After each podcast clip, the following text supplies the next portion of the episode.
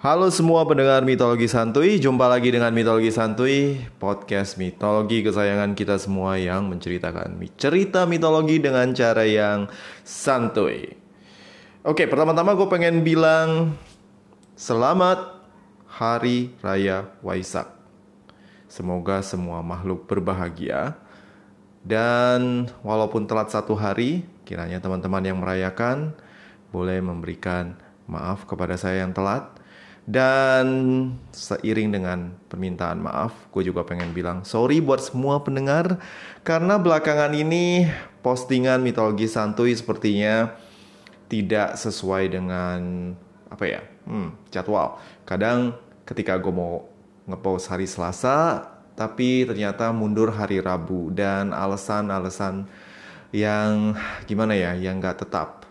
Contoh kemarin ketika gue mau rekaman dan gue mau upload, ternyata di daerah komplek rumah gue ada yang lagi ngadain hajatan dan musik dangdut yang nyaring banget dan gue kagak mau kalau misalnya gue lagi ngerekam terus tiba-tiba ada suara you know Maggie Z lagi nyanyi dengan you know lagu Anggur Merah atau Carmila yang gue dengerin sampai jam 11 malam tadi malam luar biasa berisiknya sehingga gue putuskan untuk merekam di hari yang cerah dan sunyi ini. Anyway, tidak terasa bulan Mei sudah hampir kelar dan minggu depan kita akan masuk ke bulan Juni. Dan di bulan Juni biasanya biasanya kalau nggak ada pandemi sih gue udah pergi liburan. Cuma dalam kondisi pandemi begini kayaknya lebih baik nabung dulu, stay safe. Dan kalau misalnya sudah mereda dan aman, mungkin kita bisa jalan-jalan. Nah, kalau gue sih rencana pengen ke Yunani atau Italia. Nyari bahan buat nulis buku mitologi dan sejarah. Anyway, di bulan Juni ini berarti mitologi santuy akan berusia satu tahun. Satu tahun saudara-saudara. Semua ini karena dukungan dan antusiasme dari para pendengar sehingga gue pengen lanjutin ini terus. Nah, ngomong-ngomong soal dukungan, um, gue pengen terima kasih juga kepada Bro Yayak yang sudah traktir gue kopi lagi di laman traktir. Dan udah dua kali nih Bro Yayak um, traktir gue dan lama-lama sepertinya Bro Yayak ini udah jadi supporter nomor satu nih mitologi santuy. Kidding bro, thanks man. And buat teman-teman yang mau support gue demi kelangsungan podcast mitologi santuy ini, silahkan mampir ke laman traktir gue yang ada di keterangan episode kali ini. Oke, cukup dah gue ngeceloteh sono sini. Mari kita lanjut dengan episode selanjutnya dari petualangan Hercules yang berjudul Hajar the Bagindas. Selamat mendengarkan.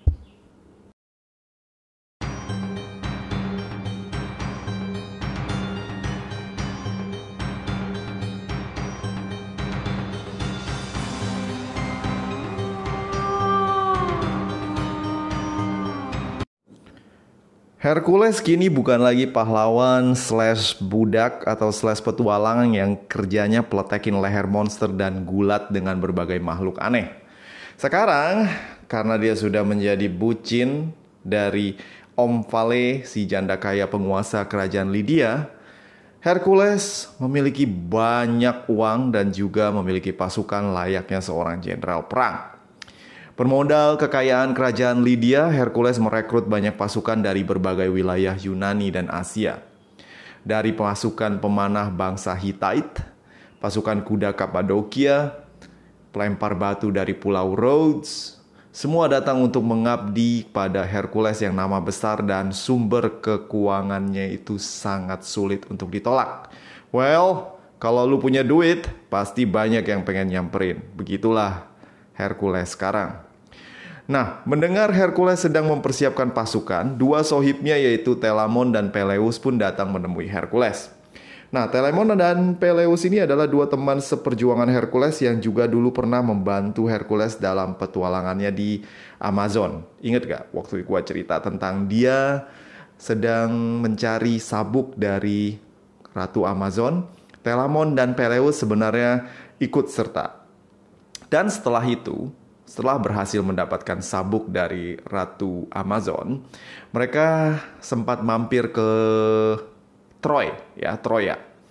Nah, gue nggak masukin di episode um, Sabuk Ratu Amazon, tapi gue ada tulis di laman traktir mengenai petualangan uh, Hercules di Troy bersama Telamon dan juga Peleus. Jadi kalau lu pengen tahu cerita mereka bisa masuk ke halaman traktir gue di sana di bagian extended version, oke? Okay? Nah, ketika bertemu Hercules, Telamon dan Peleus langsung menghampirinya dan berkata, "Yo bro, what's up?" Hercules pun menjawab, "Homie needs a favor, bro." "My bro Herc, ain't worry no more, bro. We got you covered." Lalu ketiganya saling memberikan tos heroik yang penuh dengan testosteron. Hah? Gimana gimana? Iya, bayangin aja tiga orang, you know, pria berotot tos dengan gaya jantan. Gitu aja deh. Oke, okay, sorry, imajinasi gue mulai aneh nih. Anyway, di kemudian hari, Telamon dan Peleus ini akan berperan besar dalam mitologi Yunani. Jadi, coba ingetin ya, ini nama dua orang bapak-bapak ini, Telamon dan Peleus. Nah, setelah pasukan Hercules siap dengan berbagai perbekalan, Hercules CS pun kemudian berangkat menuju Troya, kota Raja Laomedon yang dulu membuat Hercules dan Telamon uring-uringan. Singkat cerita, Raja Laomedon, sang penguasa Troya, menolak membayar Hercules dan Telamon yang telah menyelamatkan anaknya si cantik Hesione dari ancaman monster laut. Sang raja yang terkenal picik dan pelit itu menganggap sepele Hercules walaupun dia adalah putra Zeus. Halah, siapa sih yang bukan anak Zeus? Lawong dia bikin anak di mana-mana, kata Laomedon. Penghinaan ini kemudian berbuah serangan armada Hercules dan pasukannya yang besar. Nah, Laomedon ini memiliki satu kepercayaan yang sangat besar pada kekuatan tembok kota mereka yang dibangun oleh duet, duet dewa Apollo dan Poseidon.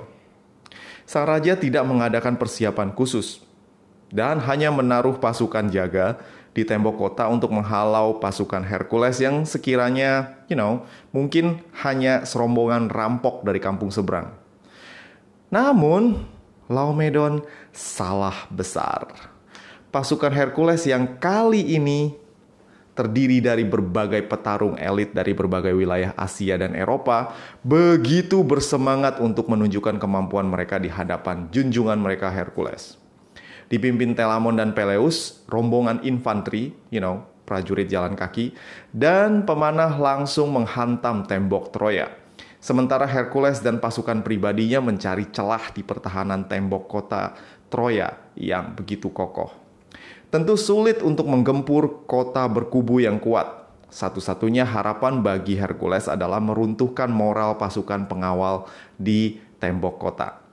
Hercules kemudian menunjukkan kelihayannya dalam memanah. Dengan busur dan panah yang beracun, Hercules melepaskan lima anak panah tepat ke kepala para penjar prajurit jaga sekaligus. Gila. Sekali tarik, lima busur melesat dan lima kepala kepanah. Ini lebih jago dari Kue Cheng ya, Kue Cheng di Legend of the Condor Heroes. Kalau lu nonton film wuxia alias kungfu. Tentu saja semua korban yang terkena bisa hidra tidak akan selamat apalagi manusia biasa. Melihat kondisi korban panah yang membiru dan kemudian membusuk hingga tinggal tulang belulang saja, cukup meruntuhkan mental para prajurit jaga yang lain. Mereka tidak berani menunjukkan kepala mereka di tembok, apalagi menyerang rombongan Telamon dan Peleus yang kini telah menghantam gerbang Troya dengan penuh semangat. Dan tak perlu menunggu lama, gerbang kota Troya terbuka dan perlawanan pasukan Troya runtuh di tangan Hercules dan kawan-kawan. Kota Troya menjadi sasaran penjarahan. You know, kalau perang Biasanya pasukan penyerang kalau udah berhasil mereka akan meluapkan emosinya dengan menjarah, memerkosa, merampok, dan mengambil apa pun yang mereka dapat. Termasuk juga pasukan Hercules. Sementara itu Hercules bergegas, berlari secepat kilat menuju istana Laomedon yang kala itu sedang berusaha melarikan diri ke Elis, tempat dari sekutunya. Namun pasukan Hercules telah memotong jalan kabur dari raja yang telah menyinggung Hercules tersebut. Ketika Hercules bertemu dengan Laomedon, sang pahlawan tanpa tendeng aling menghajar sang raja hingga tewas. Eh, is dead. Tidak hanya itu saja, Hercules juga membantai semua anak Laomedon kecuali Priam dan Hesione. You know, cewek cakep yang ditolong sama Hercules di perjalanan ke Troya di episode-episode yang lalu. Yang gue masukin ke traktir. Sekali lagi iklan pesan sponsor. Anyway, Priam yang masih muda itu dinobatkan sebagai Raja Troya, sementara Hesione diberikan kepada Telamon sebagai istri you know, Telamon tampaknya jatuh cinta kepada Hesione dan Hesione juga merasa, well oke, okay, daripada gue jadi budak, mendingan gue jadi istri. Lalu mereka menikah dan hidup bahagia untuk sekarang. Nah, usai menghancurkan Troya dan meninggalkan Priam dengan kota yang porak-poranda, Hercules pun pergi membawa pasukannya menuju target selanjutnya yaitu Raja Augeas dari Elis. Nah, dalam perjalanannya menuju Elis, Kemasyuran nama Hercules yang kini dipanggil Hercules Sang Penakluk menarik banyak pasukan dan pahlawan yang ingin turut serta dalam misi balas dendam Hercules. Salah satunya adalah saudara kembarnya sendiri yang bernama Iphicles, ayah dari Iolaus. Masih ingat Iphicles? Iphicles adalah anak dari um, gue jadi lupa. Hmm, anak dari suami mamanya Hercules. Ya, itu dia. Nah, Iphicles yang hanyalah manusia biasa membagi eh, tinggal bersama Hercules dalam satu rahib. Dan setelah dilahirkan, mereka berdua dirawat oleh Alkmene dan dirawat dengan penuh kasih sayang, tumbuh besar dan mereka berdua cukup akrab. Dan Iphicles di kemudian hari akan mewarisi posisi ayahnya sebagai raja. Namun Hercules pergi berpetualang. Dan Iphicles memiliki satu perasaan, hmm, ternyata kakak gue lebih tenar dari gue. Dan gue pengen mencapai ketenaran seperti dia. Dan dia merasakan, gimana ya, kok gue kalah ya? Apalagi sekarang anak gue Iolaus juga cukup tenar karena ngebantu Hercules bunuh Hydra. So, sekarang Iphicles memutuskan untuk bergabung dengan Hercules. Ya paling nggak kecipratan ketenaran. Ya jangan cuma dibilang sebagai adiknya si Hercules yang cupu atau you know the guy itu loh saudara kembar Hercules karena pengen jadi tenar akhirnya Iphicles pun bergabung dengan Hercules. Oke. Nah, sementara itu Raja Augeas yang telah mendengar kabar tentang misi balas dendam Hercules yang telah memakan korban Laomedon dan juga kota Troya, sang raja pun akhirnya melakukan sesuatu yang drastis. Minta ampun? Enggak dong. Raja Augeas bukannya minta ampun, malah menggunakan seluruh uangnya, seluruh pemendaharaannya untuk membeli pasukan dan pahlawan yang bisa membantu pertahanan Elis. Gila gak tuh? Augeas berhasil mendapatkan bantuan keponakannya sendiri, yaitu si kembar siam Euritus dan Stetatus. Cleatus, sorry, Cleatus. Euritus dan Cleatus. Nah, pahlawan ini ya, mereka ini kembar siam.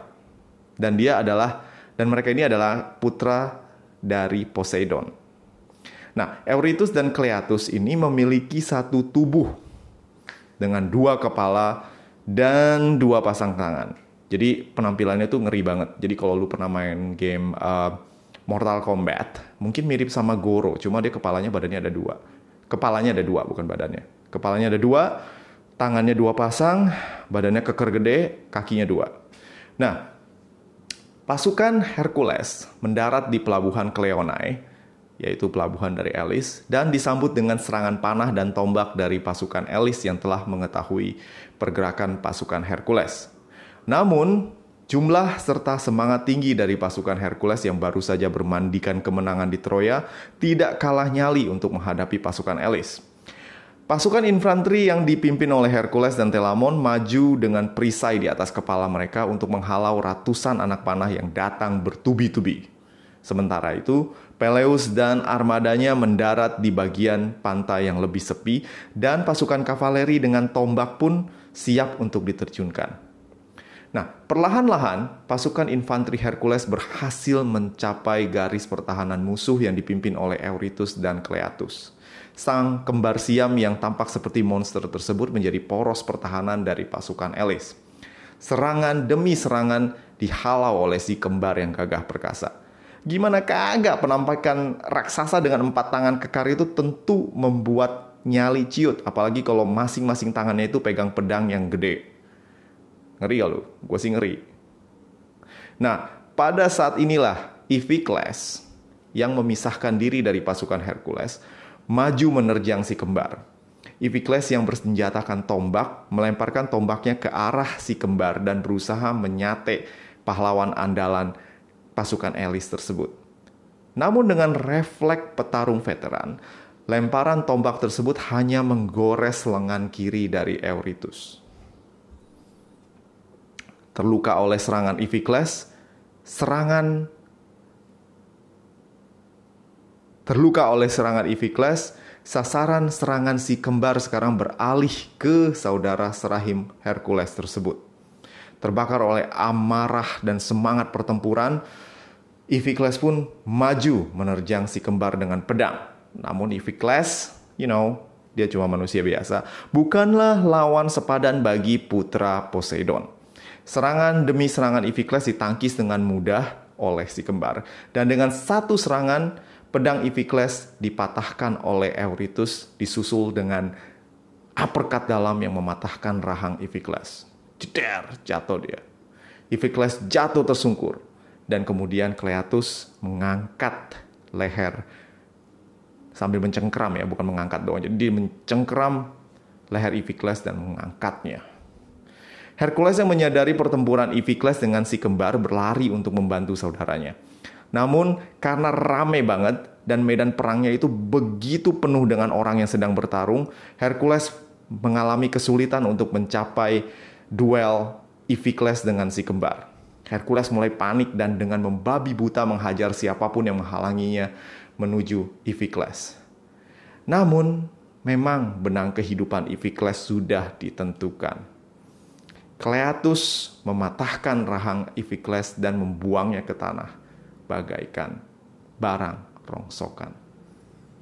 Melihat kematian saudara serahimnya, Hercules pun kalap. Amarahnya yang memang sudah terkenal sangat mudah tersulut, kini bagaikan api kebakaran hutan yang tak terpadamkan. Dengan segenap tenaga, Hercules merangsek maju dan membantai semua penghalang antara dirinya dan si kembar puluhan, tidak ratusan prajurit Elis dan juga pasukan Hercules sendiri menjadi mangsa dari pedang sang pahlawan yang sudah tidak bisa membedakan kawan dan lawan lagi. Keganasan Hercules yang menghancurkan lini pertahanan pasukan Elis ini membuat si kembar gentar. Namun darah dewata yang mengalir dalam tubuhnya mendorongnya untuk maju berduel dengan Hercules. Hercules melompat dan menebaskan pedangnya ke arah si kembar yang kemudian mempertahankan diri dengan menyilangkan keempat pedang mereka. Hercules adalah sosok yang kuat, namun ketika amarah menguasainya, Hercules adalah monster yang tak lagi memiliki batasan tenaga. Keempat pedang si kembar patah dalam upaya menahan tebasan Hercules. Si kembar yang terkejut melihat kedahsyatan Hercules berusaha mundur dan mencari senjata di sekitarnya. Hercules yang emosi membuang pedangnya sendiri dan menghampiri si kembar dan menendangnya sampai tersungkur. Hercules menghampiri Eurytus dan Cleatus yang berusaha berdiri namun kaki kanan Hercules telah menapak di dada si kembar yang perkasa tersebut. Kau memisahkan aku dan saudara kembarku. Kini saatnya aku memisahkan kalian berdua kata Hercules dengan dingin dan dengan kedua tangannya Hercules menarik tangan dan kiri, tangan kanan dan kiri dari si kembar dan berusaha memisahkan tubuh Eurytus dan Cleatus dari tubuh mereka. Si kembar dengan sekuat tenaga meronta dan meninju Hercules dengan sepasang tangan mereka yang bebas. Namun rasa sakit yang diakibatkan oleh tarikan tangan Hercules melemahkan daya serang kedua tangan tersebut. Hercules berteriak dan mengerahkan segenap kekuatannya. Tubuh si kembar terpisah menjadi dua bagian dengan darah yang menyembur membasahi Hercules. Petarung kembar siam ini kemudian tewas terpisah dari saudara mereka masing-masing. Hercules menyeka wajahnya dari darah si kembar dan kemudian berlari menuju istana Raja Augeas. Pasukan Elis yang telah kehilangan pemimpinnya mundur kocar-kacir dengan pasukan kavaleri Peleus mengejar dan menghantam mereka dari belakang. Patah sudah perlawanan pasukan Elis. Pasukan Hercules dan Telamon menjarah kota sementara Hercules yang masih terbakar api duka bergegas mencari Raja Augeas. Sang raja yang tahu akhirnya sudah dekat berusaha melarikan diri, namun Hercules yang tak lagi berpikiran sehat membakar istana sang raja dan menewaskan sang raja yang bersembunyi di ruang tidurnya. Demikianlah Elis ditaklukkan oleh Hercules. Augeas yang dulu enggan membayar upah Hercules sekarang harus membayar dengan nyawa dan kerajaannya. Beberapa hari setelah api penjarahan usai di Elis, Hercules memakamkan Iphicles dengan penuh kehormatan. Sang pahlawan begitu terpukul dengan kematian saudara serahim yang begitu dikasihinya. Berbagai harta dan juga korban menyertai upacara pembakaran jenazah Iphicles. Atas nasihat Telemon dan Peleus, Hercules mengirimkan surat kepada putra Raja Augeas yang dulu membela Hercules yaitu Phileus. Phileus yang dulu meminta ayahnya untuk membayar upah Hercules usai membersihkan kandang sapi Augeas, diasingkan oleh ayahnya sendiri dan kini diminta kembali ke Elis oleh Hercules untuk menjadi raja. Hercules yang masih sedih akan kepergian Iphicles kemudian mengadakan pertandingan atletik untuk mengenang Iphicles dan menghormati Zeus ayahnya. Pertandingan yang kelak diadakan empat tahun sekali ini diberi nama Olimpiade, sesuai dengan nama tempat tinggal Zeus dan para dewa, Olympus. Usai berpartisipasi dalam Olimpiade pertama di dunia, Hercules pun kemudian melanjutkan misi balas dendamnya. Laomedon dan Augeas sudah tewas, tinggal Neleus dan Eurytus Raja Okcala jadi bukan Eurytus saudara Cleatus yang tadi mati dibunuh Hercules ya. Yang ini Eurytus Raja Ocala yang dulu merupakan guru memanah dari Hercules. Nah, hanya tinggal Neleus dan Eurytus yang masih bernafas. Sasaran Hercules selanjutnya tentu Neleus, Raja Philos. Karena, you know, dari Elis menuju Philos cukup dekat. Raja yang menolak untuk menjalankan, you know, ritus penebusan dosa akibat membunuh Ivitus ini, mulai ketakutan dan mencari bantuan dari Hippokun, Raja Sparta. Karena kenapa harus minta bantuan dari Raja Sparta? Karena siapa juga yang nggak takut ngelihat pasukan-pasukan six pack berotot kelewat tebal tersebut dengan tombak dan perisai perunggu yang kuat. Jiper gak lu? Takut gak? Panik gak? Ya paniklah, makanya minta bantuan Sparta. Hu ha hu. Anyway, Neleus tampaknya terlalu bodoh untuk mengerti bahwa lawannya adalah Hercules putra Zeus yang jauh lebih kuat daripada pasukan Sparta yang suka teriak-teriak ngebacot sambil mamer perut roti sobek tersebut. Hercules dan pasukannya dengan mudah membantai pasukan gabungan Philos dan Sparta. Neleus serta seluruh keluarganya musnah dibantai oleh Hercules. Sementara Hippokun, sang raja Sparta, takluk setelah satu jurus dan dijadikan budak. Untungnya, garis keturunan Neleus tidak terputus. Seorang anak dari Neleus yang bernama Nestor, kebetulan tidak sedang berada di Pilos ketika Hercules mengamuk dan membumi hanguskan kampung halamannya.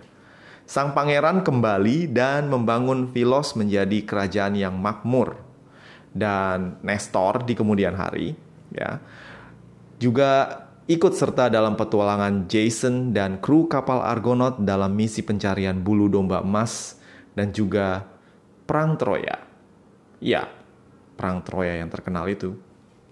Nah, setelah menaklukkan Sparta, Hercules eh sorry, setelah menaklukkan pasukan Sparta, bukan Spartanya ya, jadi pasukan Sparta, Hercules yang membawa Hippokun dalam kondisi terikat dan hina memutuskan untuk mampir ke Sparta dan menghancurkan kota para kesatria roti sobek ini. Namun sesampainya di sana, Hercules mendapati ternyata Hippokun adalah raja yang dibenci oleh para penduduk Sparta yang gagah berani. Jadi ceritanya, Hippokun ini merebut kekuasaan Tindareus. Tindareus ini adalah raja Sparta sebelumnya dan usaha kudeta ini dijalankan dengan cara yang kotor. Alhasil, ketika Hippokun kembali ke Sparta dengan kondisi seperti budak, Hercules malah disanjung-sanjung bagaikan pahlawan dan Hippokun kemudian dijadikan sansak latihan para prajurit Sparta sampai wujudnya tak lagi bisa dikenali. Hercules atas nasihat Peleus kemudian mengembalikan tahta Sparta kepada Tindareus. Tindakan Hercules ini berdampak sangat besar pada peristiwa-peristiwa di kemudian hari.